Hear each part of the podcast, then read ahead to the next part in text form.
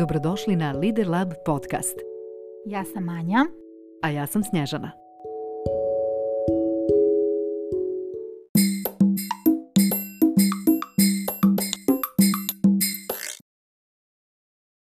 Kada ne postigneš svoj cilj, treba da provjeriš da li volja i predstava rade jedno protiv drugog. Tako je govorio Emil Kue.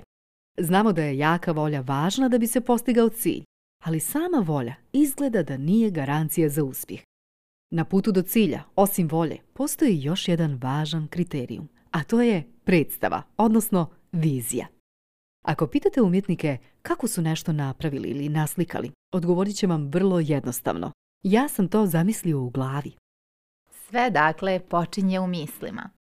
Sve što danas možemo vidjeti, dodirnuti, upotrebiti, a djelo je čovjeka, nekada je bila samo ideja u glavi nekog vizionara. Nemojte to nikada zaboraviti. Kako bi mogla zvučati definicija vizualizacije? Vizualizacija je namjerno stvaranje mentalne slike ili predstave u umu koja prikazuje ostvarenje želje, sna ili cilja.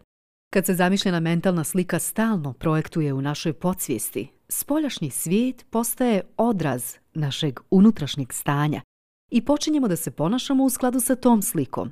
Zahvaljujući tome, osvijestit ćemo i iskoristiti prilike koje bismo inače propustili jer ih jednostavno ne bismo primijetili. Sposobnost vizualizacije je možda najmoćnija sposobnost ljudskog roda. Ono što povezuje lidere na svim nivoima kroz vijekove jeste vizija. Mnogi vrhunski sportisti ili poslovni ljudi u svojim glavama imaju vrlo živu ideju šta je to što žele da postignu. Onaj trenutak kada stoje na postolju i nose medalju. Trenutak kada je sklopljen posao i dolazi do rukovanja.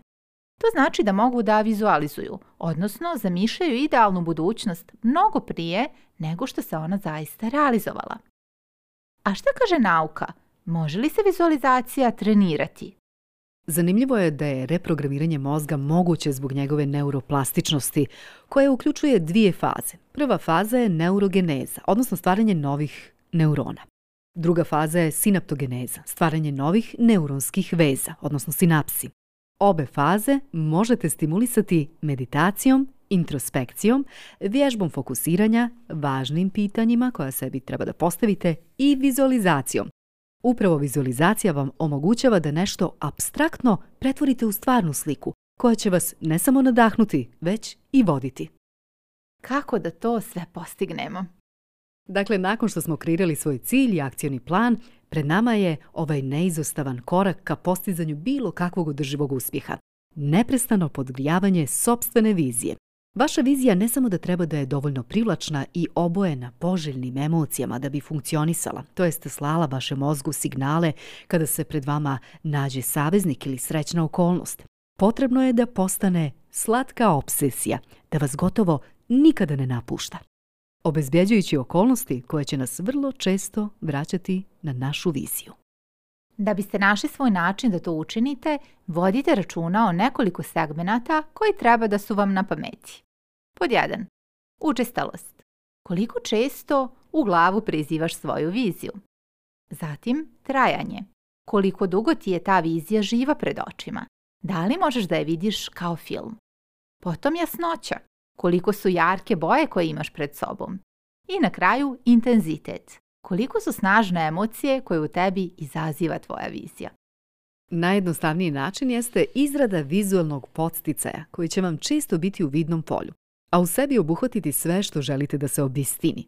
Simbole materijalnih i nematerijalnih vrijednosti i iskustava koje priželjkujete u svom životu. Da, mislimo na vision board ili mapu ciljeva. Učinite svoj život trajnim procesom pozitivne vizualizacije. Napravite svoju mapu ciljeva. Mapa ciljeva je vjerovatno najefikasniji vizualni alat koji vam je dostupan i vrlo je jednostavan za kreiranje i korištenje. Ako ste jasno definisali svoje ciljeve, ovo je trenutak da ih ilustrujete. Stvorite svoju opipljivu prezentaciju onoga čemu stremite. A kako pristupiti izradi vision boarda? Izrada vision boarda ili mape ciljeva nije vrijeme za postavljanje pitanja. Kao prvo, kako ću to postići? Dakle, uživajte u posmatranju šta sve vaš um može da izmašta i vidi prije materializacije. Budite kreativni. Koristite fotografije, citate, afirmacije, isječke ili naslove iz novina. Postavljajte pitanja koja vam mogu pomoći u dizajniranju odgovarajuće vizije na ploči. Na primjer, upitajte se šta biste učinili drugačije ako prihvatite svoj cilj, gdje biste živjeli, kuda biste putovali, kako biste izgledali, šta biste rado posjedovali, šta biste radili, s kim biste bili u društvu. Pritom, Pažljivo osluškujte osjećaje ili otpor prema tim idejama, ili možda strah. Ako ih prepoznate, ne dopustite da prevladaju, a posebno ne dopustite glasu u sebi da prosuđuje koja je vaša želja dobra, a koja loša, realna ili nerealna, dostižna ili nedostižna, bezvrijedna ili inspirativna. Na vašoj mapi ciljeva može da bude postavljen jedan cilj ili njih više, na primjer zaposlenje ili osnivanje porodice, ozdravljenje i tako dalje. Za koju god se opciju odlučili, potrudite se da je mapa uredna, da kada posmatrate simbole vama bude potpuno jasno zbog čega su poredani određenim redoslidom, zbog čega su prisutne baš te boje, ti oblici i ti simboli. Ne želite da vizualizujete haos i donesete ga u svoj život. Neka vaša mapa ciljeva bude jednostavna i harmonična. Kao i prilikom postavljanja ciljeva, najpogodniji trenuci za posmatranje svoje mape ciljeva su rano ujutro, po mogućnosti odmah nakon buđenja i prije leganja. Dok to radite, vjerovatno ćete osjećati ispunjenost i elan kao da je već ostvareno.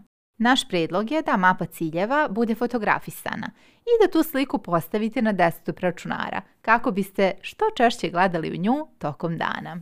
I za kraj zapamtite.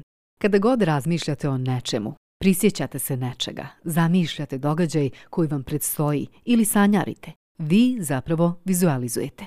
Često nesvjesno, naša vizija ne podržava ono što zaista želimo i naš cilj postaje neostvariv i pored velikog napora i volje.